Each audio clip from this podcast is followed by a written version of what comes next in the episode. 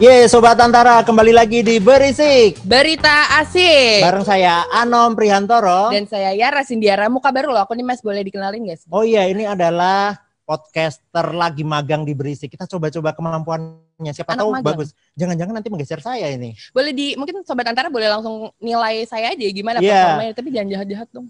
Mungkin bisa di YouTube-nya Antara TV itu bisa langsung di unlike aja. Ya, jadi saya di-unlike dong. Oh iya Yara, ini kita kehadiran tamu spesial. Itu adalah seorang YouTuber, penerima beasiswa di Waseda University, ahli matematika, calon menteri pendidikan.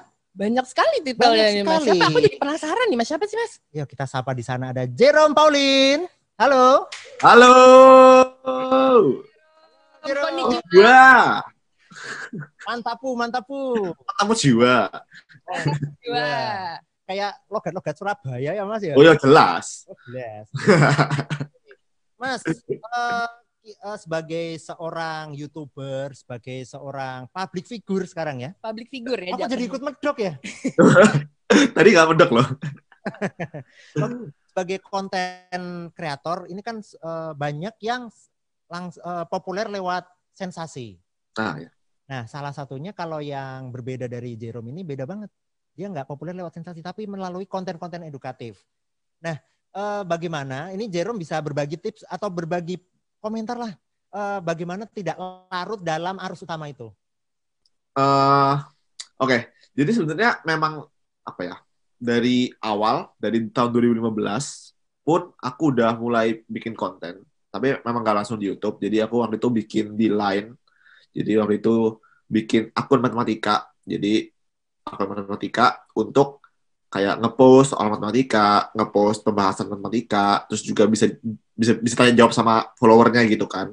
Terus dari matematika itu berkembang lagi menjadi ada biologi, fisika, kimia, bahasa dan lain sebagainya gitu. Nah, memang dari dulu tuh kan aku selalu concern sama pendidikan ya. Dan aku dulu, dulu tuh concern kayak kalau misalnya eh, di line itu waktu itu di line itu cuma ada akun-akun galau atau akun-akun yang gak mendidik lah bisa dibilang seperti itu. Ya gimana nih nasib generasi bangsa selanjutnya gitu kalau konsumsinya yang seperti itu terus gitu. Makanya aku memutuskan untuk buat seperti itu. Dan memang dari dulu konsum pendidikan dan eh, ya aku sendiri kayak apa ya? Aku merasa kalau bikin konten atau nge-share sesuatu itu ada beban moralnya, ada tanggung jawabnya gitu. Nggak, nggak semata-mata untuk mencari uang atau mencari angka, tapi memang ada beban moralnya gitu kan. Dan ketika di YouTube pun aku seperti itu kak. Aku mikir gini, eh, ketika kita buat video YouTube ya, atau ketika kita ya posting di Instagram dan sebagainya, ketika nanti kita dapat uang atau dapat penghasilan dari situ gitu, itu merupakan hasil dari waktu si penonton itu gitu, ya kan? Si penonton nonton, meluangkan waktu untuk nonton dan si eh, content creator ini bakal ya dap- dapat penghasilan dari waktu yang digunakan oleh si penonton. Nah, sekarang ketika mereka nonton dan isinya cuma sensasi, isinya kosong gitu, malahan nggak mendidik, maka uang yang dihasilkan itu apakah uang yang bisa dibilang berkah atau apa sih uang yang baik gitu kan? Jadi aku mikir harus ada manfaat yang aku berikan, entah itu edukasi, entah itu eh, apa, entah itu motivasi, entah itu hiburan gitu. Jadi harus ada nilai yang mereka dapetin sebagai apa sebagai ganti waktu mereka gitu. Itu prinsip aku sih kak. Oke, kalau Yara kayaknya juga pengen jadi produsen konten kreatif ya, konten yang positif gitu ya. Iya dong, tapi kalau Jerome sendiri nih ya Mas Anom, aku penasaran nih, kan sekarang seperti ada tren gitu ya Mas ya, semakin sensasional, semakin heboh, semakin diekspos Iya. gitu. Kalau Jerome sendiri dengan konten yang terus edukatif, pernah ada rasa jengah nggak sih dalam eh, ibaratnya mungkin memerangi yang sensasional ini dengan konten yang lebih edukatif gitu, atau mungkin eh, melihat eh, exposure yang begitu besar yang diberikan ke mereka yang sensasional lah gitu bisa. Ya, ya. Sangat sih, Kak. apa? eh apa ya?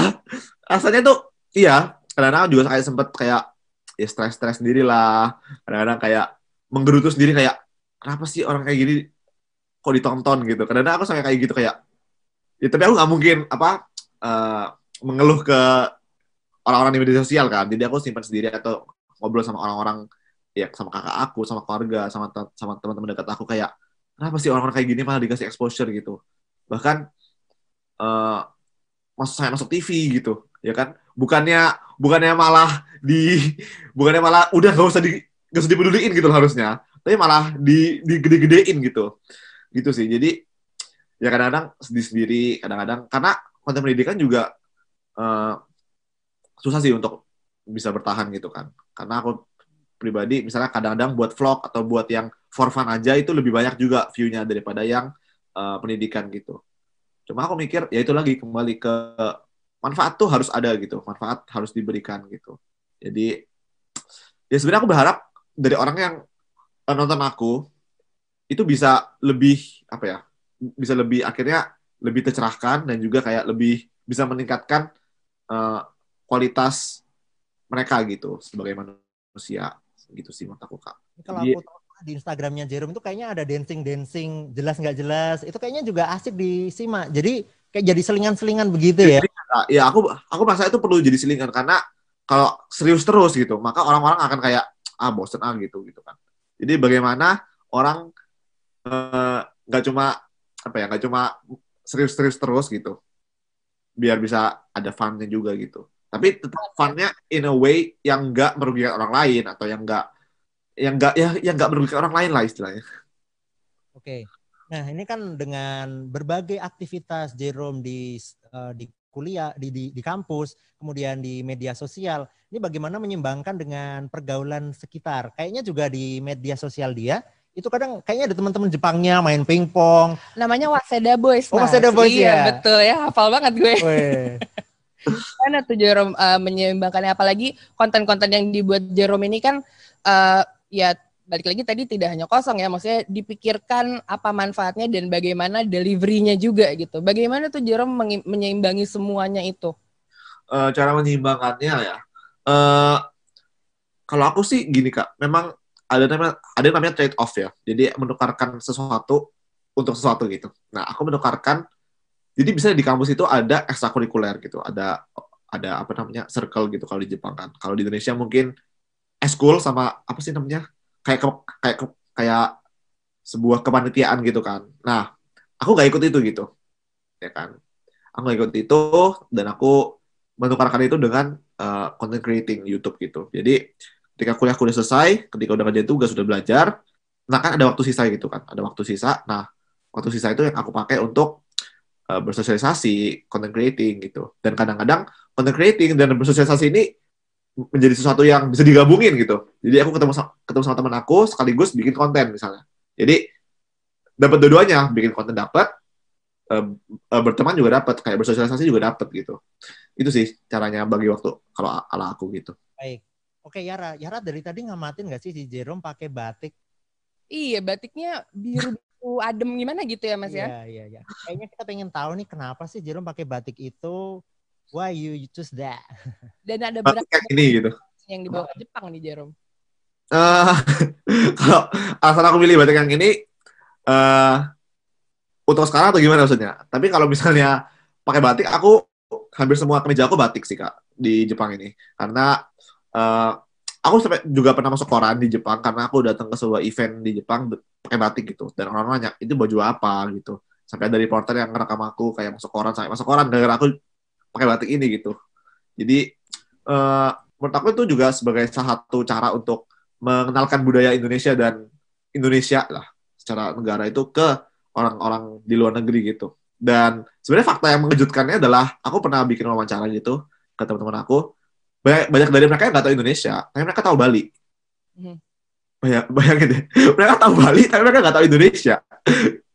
mereka lebih tahu Bali loh, kayak wah gila kan gitu. Maksudnya kayak ternyata banyak ya yang orang di luar negeri ini yang masih belum tahu Indonesia gitu, ya kan? Jadi gimana caranya? Menurut aku ya satunya ya dengan mengenakan pakaian Indonesia, batik ini gitu.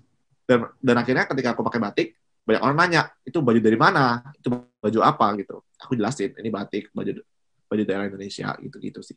Jadi sebagai salah satu sarana juga sih untuk mengenalkan uh, Indonesia ke mancanegara gitu.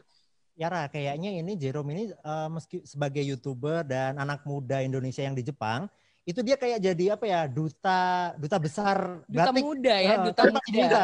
Sadar. betul. tapi betul itu memang peran eh, dari kalau banyak yang kita lihat eh, mungkin itu peran yang perlu diambil ya oleh eh, diaspora Indonesia yang ada di luar negeri untuk menjadi secara tidak langsung duta untuk Indonesia ya Jerome gitu ya Harusnya seperti itu. Mantap. Nah, kita kan juga pengen tahu bagaimana eh, Jerome ini sebagai seorang yang populer di YouTube terutama ini bagaimana bisa meng-create eh, berbagai konten termasuk bagaimana di eh, balik layarnya. Tetapi untuk menjawab itu kita akan lanjut nanti di segmen 2.